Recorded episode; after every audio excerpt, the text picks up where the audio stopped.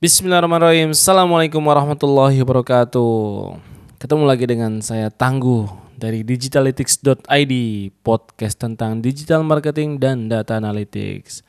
Oke kali ini uh, saya akan bahas tentang apa itu funneling. Nah ini pembahasan yang sudah cukup lumrah dan umum ya.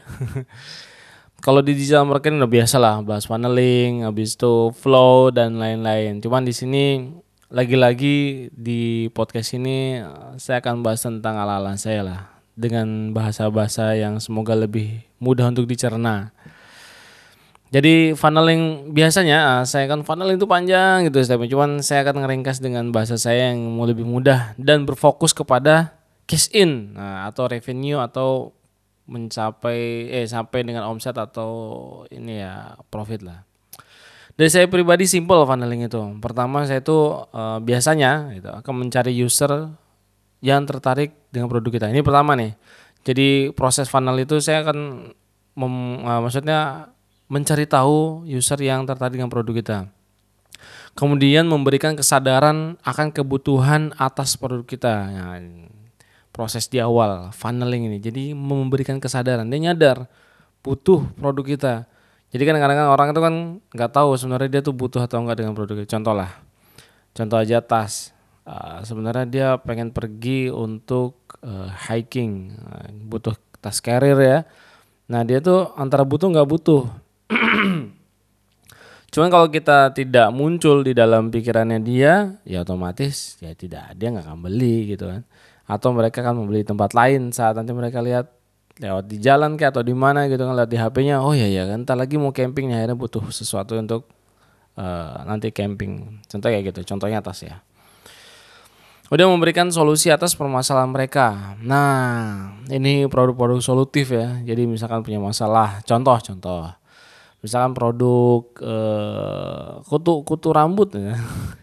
Kutu rambut atau rambut rontok. Nah ini kan kita bisa memberikan solusi atas permasalahan mereka. Jadi tiga hal ini yang biasa saya gali-gali dan saya menjadikan proses funnel untuk mereka membeli, mencapai proses pembelian. Akhirnya belilah. Jadi pertama ada muncul yang interest, ketertarikan, kita munculin interestnya atau kebutuhan mereka atau ada masalah ya kita munculkan solusi. Kemudian mereka datang ke landing page atau website kita dan melakukan order. Nah, udah gitu aja sih. Sesimpel itukah? Ya tidak juga. Tapi seribet apa yang dilihat di luaran yang enggak juga juga gitu. Jadi kita bikin simpel aja. Tapi tidak jangan terlalu dimudahkan. Maksudnya kayak gitu. Nah, perlu diketahui setiap poin dari funnel itu juga bisa kita kulik-kulik lagi atau kita bisa breakdown ya. Contoh nih contoh. Di point order ini aja udah bisa kita breakdown nih. Contoh kita mau order melalui WhatsApp. Nah ini aja kita udah bahas tentang KPI atau SOP chat yang di CS ya. Nah itu aja udah perlu panjang waktu dan kita tes dan kita ukur ya di CS apakah chatnya sampai dengan closing atau enggak. Kemudian kita bagi lagi menggunakan misalkan ordernya menggunakan checkout langsung, misalnya eh, pakai di website langsung mereka purchase langsung contohnya di marketplace marketplace kan seperti itu ya. Cuma kadang-kadang kan effortnya kalau di website kita tidak melakukan order seperti itu. Tidak semuanya, cuman kadang-kadang uh, conversion kadang-kala lebih lebih tinggi di WhatsApp untuk di user Indonesia. Apalagi produknya mama ya.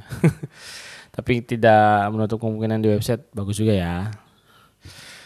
Nah dari website juga uh, kita kan ada proses yang bisa di breakdown tadi adalah misalkan proses check out, websitenya perlu di upsell kah atau di cross sell kah nah itu aja udah banyak ya panjang macam-macam yang kita mikirkan.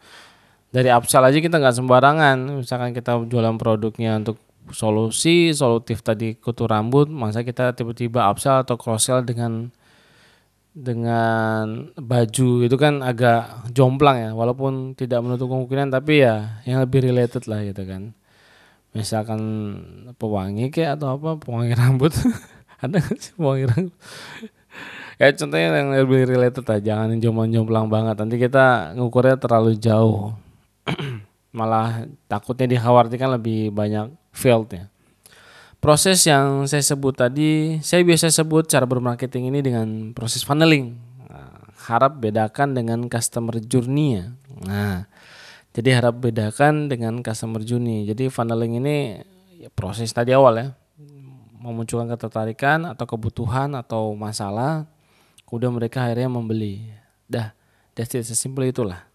Jadi kita nggak usah ngomongin panjang-panjang dulu. Nanti proses ngomongin panjang customer journey beda lagi. Wah.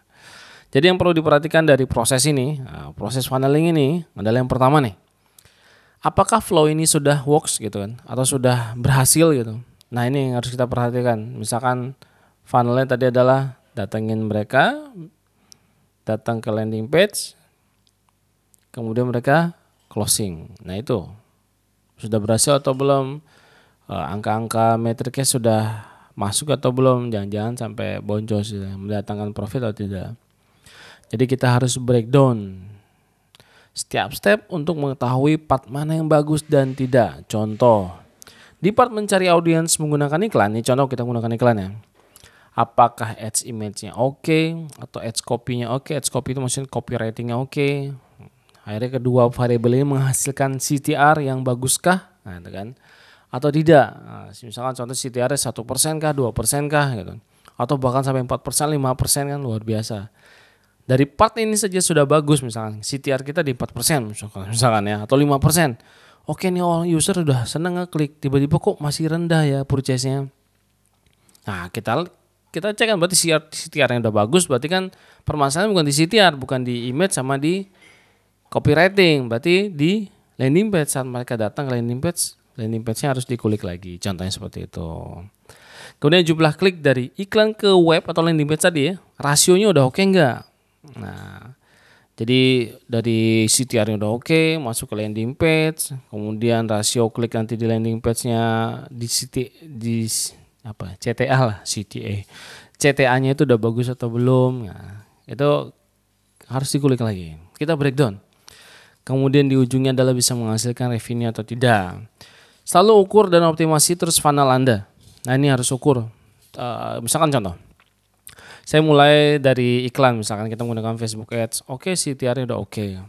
Ah, saya pengen ganti ads copy-nya atau ads image-nya untuk split testing lagi. Nah, ini harus diukur lagi. Nah, kemudian di landing page-nya seperti itu lagi. Nah, jadi selalu ukur dan optimasi terus funnel Anda. Jadi jangan sampai loss ya tiba-tiba tiba-tiba nih beberapa hari tren ini uh, persentase ke landing page-nya turun. Nah, kita harus cek apakah ini emang lagi pada turun? Ataukah ada masalah di load speed uh, di landing page-nya? Atau kita cek lah kita punya teman-teman dan lain-lain yang ini. Sama nggak? Lagi ada masalah nggak? Kita harus networking juga ya. Kita cek ya. Kita ukurnya seperti itu. Kemudian kita eksperimen juga dengan funnel yang lainnya. Misalkan kita sudah works nih satu funnel maka kita bisa tes dengan funnel yang lainnya. Maka kita punya tim ya untuk bisa mencoba atau testing jadi kita punya alternatif lainnya. Karena misalkan kita punya satu aja dikhawatirkan. Nah kita terlalu tergantung di sana dan di sananya goncang ya atau goyang dan baper lah ambiar gitu. Nah karena sebagai indikatornya adalah kan user itu behaviornya beda-beda lah kita. Mereka suka yang A suka B dan suka C padahal sama-sama ibu-ibu di umur yang sama kan namanya juga manusia ya mereka siapa tahu punya behavior yang lain. Contohnya misalkan kita mendatangkan dari Facebook Ads siapa tahu bisa datangkan melalui Google Ads. Gitu. Google Ads macam-macam. Ada dua misalkan menggunakan search atau menggunakan display. Atau di Instagram biasanya kan iklan juga di Instagram sesekali kita coba tes menggunakan selebgram atau endorse dan lain-lain lah seperti itu. Bisa nggak datang? Atau menggunakan bahkan sampai email marketingnya kita optimasi jadi misalkan uh, open rate-nya sudah bagus atau belum klik rate-nya sudah bagus atau belum ya kita bisa tes seperti itu. Selain dari funneling semua proses funneling tadi uh, saya sarankan ya ini ini coba catatan buat saya pribadi juga dan mungkin bisa digunakan teman-teman. Jangan lupa branding dan positioning brand atau produk Anda. Nah ini kasihkan uh, mainan produk nanti lupa nge-branding. Nanti kita akan harder sih kalau tidak menggunakan branding. Sejujurnya karena saya sudah merasakan uh, ada brand cuman nggak nge-branding tuh. Punya brand tapi nggak nge-branding itu berasa lah. Itu beda punya brand tapi nggak di branding jadi diantepin aja. Oke catatan dari saya pribadi semua dari proses funnel tadi adalah fokuslah di sales di awal-awal. Cash in dengan tidak lupa semua part bisnis Anda karena bisnis tidak melulu tentang sales juga. Jadi kan biasanya kalau kita bahas tentang marketing funnel itu uh, panjang ya dari awareness, engagement, consideration atau pembelian purchase gitu, adoption bahkan sudah masuk situ, retention, expansion dan advocacy. Nah tahap-tahap itu panjang dan bisa didetailkan. Cuman simpel kan tadi dari saya pribadi kita memunculkan ketertarikan atas produk kita, mereka butuh produk kita atau mereka membutuhkan solusi. Mereka datang ke landing page kita, kemudian mereka melakukan pembelian, baik itu di WhatsApp atau di checkout order. Mungkin itu aja penjelasan funneling dari saya pribadi. Kurang lebih mohon maaf. Terima kasih. Assalamualaikum warahmatullahi wabarakatuh.